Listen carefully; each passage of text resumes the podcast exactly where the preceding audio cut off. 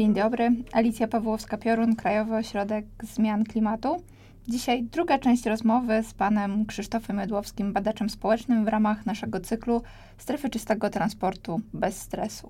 Poprzednio rozmawialiśmy o generalnie społecznych aspektach związanych z tą, e, z, z tą kwestią e, wprowadzenia stref czystego transportu w Polsce, bo tutaj jest dla nas oczywiście największy największe wyzwanie, bo, bo te strefy powstają gdzie indziej, nie powstają w Polsce, więc pytanie, pytanie dlaczego i chciałabym dzisiaj jeszcze trochę głębiej zanurkować w tym e, temacie, a Pan posiada głęboką wiedzę w zakresie właśnie tej strony e, badawczej, jak to wygląda, czyli nie tylko ogólne trendy, ale też, na, też dane, e, na których możemy bazować, przewidując, jak to będzie wyglądało.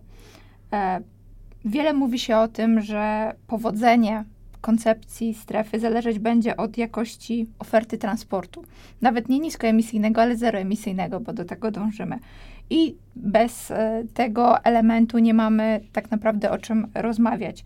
Czy dynamiczny rozwój sieci autobusów elektrycznych, bo mamy już całkiem sporo tych autobusów w polskich miastach, a także autobusów wodorowych, przełoży się albo przekłada się już na bardziej pozytywne nastawienie do stref? Mm, to, to jest bardzo ciekawy wątek, rzeczywiście. E, transport publiczny musi mieć w sobie e, potencjał przejęcia tego ruchu, po to, żeby ludzie zaufali, że rzeczywiście e, strefa czystego transportu może zadziałać, czyli faktycznie oswobodzi troszeczkę tę miejską przestrzeń i sprawi, że ludzie trochę zmienią swój model przemieszczania się. I autobusy niewątpliwie są jednym z takich rozwiązań, chociaż też tutaj po, pojawia się ciekawy niuans pomiędzy transportem szynowym a transportem e, kołowym. E, w, wróć, w sensie e, autobusy a tramwaje, o tak, w, w ten sposób. Mm, po, ponieważ z daleka może się wydawać, że gdzieś tam trochę nie ma znaczenia, e, czy się jedzie autobusem, czy tramwajem, ale z bliska ma to znaczenie fundamentalne. W sensie autobus jest rzeczywiście ta, takim środkiem, który łatwo penetruje e, różne osiedla. E, po prostu wystarczy wprowadzić linię i już potrzeby mieszkańców są obsłużone, już, już da się gdzieś dotrzeć, można zmienić, zmienić przebieg. Jest to rzeczywiście efektywne i tam, gdzie te autobusy działają, zwłaszcza e, tutaj podkreśliłbym e, dwa typy tras trasa z osiedla do centrum, ale również pomiędzy osiedlami z ominięciem centrum. E, to jeśli mamy efektywną sieć działającą właśnie w taki sposób, to e, ludzie będą mieli większą skłonność do stwierdzenia, że łatwo jest im się, się po mieście poruszać. Natomiast ciekawym wątkiem jest e, rzeczywiście ten transport szynowy, bo tramwaje nie stoją w korkach tramwaje się po prostu przemieszczają, e, są, e, są wygodne i e, były już badania, które pokazywały, że mając do wyboru szyb, szybki autobus, w sensie autobus, który będzie u mnie za niedługi czas, versus muszę poczekać trochę, kilka lat, ale dotrze do mnie linia tramwajowa, ludzie opowiadali się za przedłużeniem tego okresu pewnej niewygody w funkcjonowaniu na rzecz tramwaju, który, który do nich dotrze. Tramwaj cieszy się, e, się stosunkowo dużym zaufaniem, bo pamiętajmy, że to, co w tej chwili jest rzeczywiście problematyczne e, w miastach, jeśli chodzi o przemieszczanie się w ogóle pojazdami i co w największym stopniu też ludzi popycha do myślenia o tym, że trzeba byłoby jakoś zarządzić tą sytuacją, być może poprzez zielone strefy, e, to jest gęstość ruchu samochodowego i trudność ze znalezieniem miejsca do zaparkowania. To takie bardzo pragmatyczne kwestie, ale y, odpychające ludzi od, y, od użycia samochodu, zwłaszcza jeśli chcemy dotrzeć w jakieś miejsce i wiadomo, że trzeba będzie 15 minut krążyć, szukając różnych zaułków po to, żeby móc w ogóle ten samochód gdziekolwiek wstawić. Więc ta, ta, takie pragmatyczne aspekty funkcjonowania, one są fundamentalnie istotne i na tym tle tramwaj, który nie stoi w korku, e, jest bardzo dużą, e, dużą korzyścią, acz generalnie rzecz biorąc, efektywna sieć e, transportu publicznego w miastach, no to jest w ogóle podstawa sukcesu. Tak, tak, tak bym oceniał tę sytuację. Czyli najpierw marchewka w postaci sprawnego transportu, nie obietnica marchewki, jak rozumiem, czyli bez, bez sprawnego transportu publicznego nie mamy co marzyć o przekonaniu mieszkańców do tego, żeby zaufali nam w zakresie stref czystego transportu? Moim zdaniem nie mamy co marzyć. Rzeczywiście. Do, dopóki e, mieszkańcy nie zobaczą wyraźnych ruchów, które mają na celu poprawę jakości transportu publicznego, albo nie usłyszą o tym, że będą inwestycje, Miejmy nadzieję, że jak usłyszą e, ten taki komunikat, to, to mu w ogóle zaufają, tak? Bo to też e, różnie bywa z obietnicami. Niektóre się spełniają, a inne nie. E, ale jeśli zobaczą, że miasto, że władze miasta świadomie myślą o tej kwestii i zamierzają rozwinąć ta, takie roz, rozwiązania publiczne, które pomieszczą ludzi odstawiających swoje samochody, no to wtedy jest zupełnie inna rozmowa. To bardzo interesujące e, informacje pokazujące, gdzie tak naprawdę samorządy w tym momencie powinny być i gdzie powinny zacząć i w co inwestować. Rozmawialiśmy podczas wcześniejszego podcastu na temat tego, że łatwo jest narysować e, strefę na papierze i powiedzieć, że ta czerwona kreska to granica, ale czy istnieją takie dane albo nawet przekonania, jakieś mity w tym zakresie, czy strefa większa, ale mniej restrykcyjna, czy też mniejsza, ale bardziej wymagająca jest lepsza? Czy, po, czy już mamy na ten temat opinię albo potrafimy na ten temat dyskutować? Tak, to, to też jest kolejny nie, niezwykle interesujący wątek, e, ponieważ e, pojawia się e, zawsze pytanie, dlaczego granica jest w takim miejscu, a nie w innym? Tak? I jaki efekt przyniesie to, e, że na przykład mamy małą restrykcyjną strefę? Czy to poprawi jakość powietrza? w mieście, czy może lepiej byłoby e, rozszerzyć ją, obejmując kolejne dzielnice wokół centrum? Właściwie dlaczego ma się kończyć w tym miejscu, a nie w innym?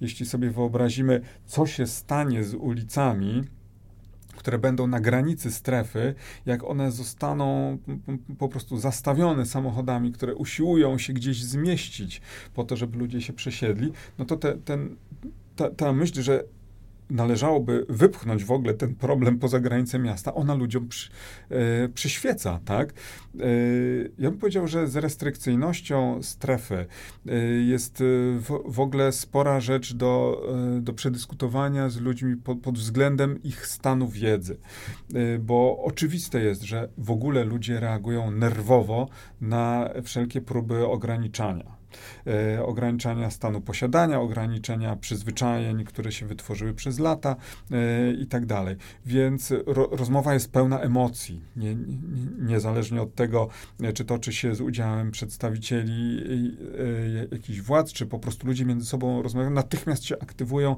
liczne skojarzenia i, i, i te emocje rzeczywiście e, szybują.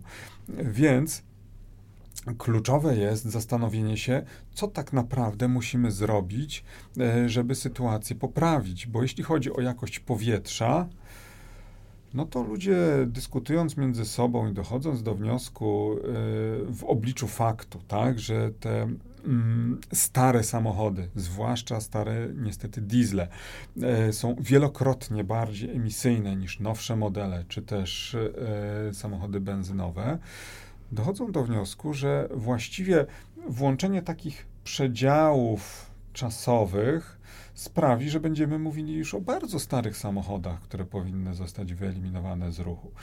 E, więc gdyby to było tak, że, e, że intencją strefy jest e, poprawa jakości powietrza, to ten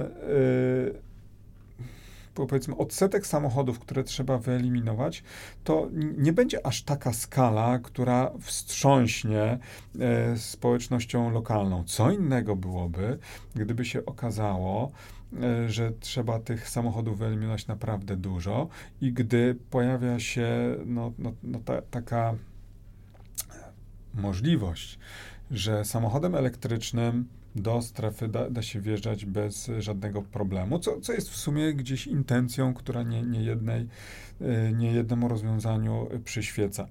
E, to jest dla ludzi trudny problem, bo to i, i o tym warto pamiętać.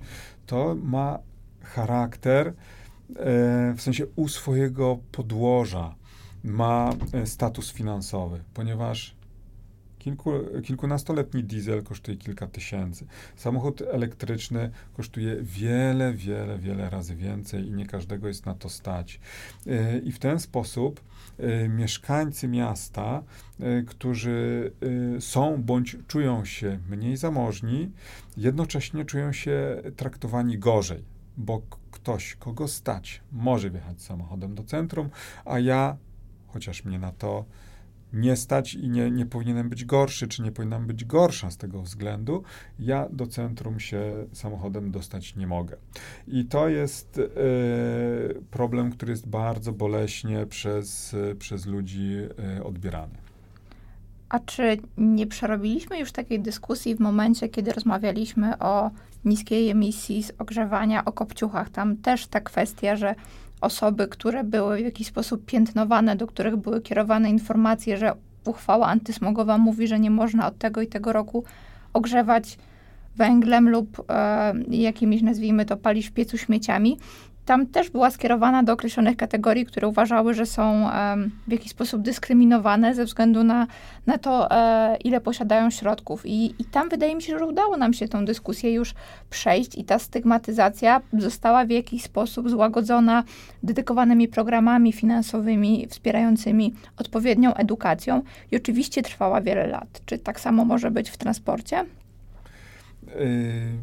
No, być może tak. Pamiętajmy, że w przypadku, e, w przypadku właśnie e, kotłów na, na paliwa stałe, to e, rzeczywiście ta dyskusja trwała lata, też była pełna emocji i jednocześnie znalazła swoje uwieńczenie w postaci programów skierowanych do tych właśnie grup, które miały największe problemy, które tam programy działały e, lepiej bądź gorzej, to jest kwestia na osobną całą dyskusję, e, ale rzeczywiście e, tak jakby skierowanie się bezpośrednio do tych osób z konkretną ofertą i, i wsparciem, to ruszyło temat, prawda?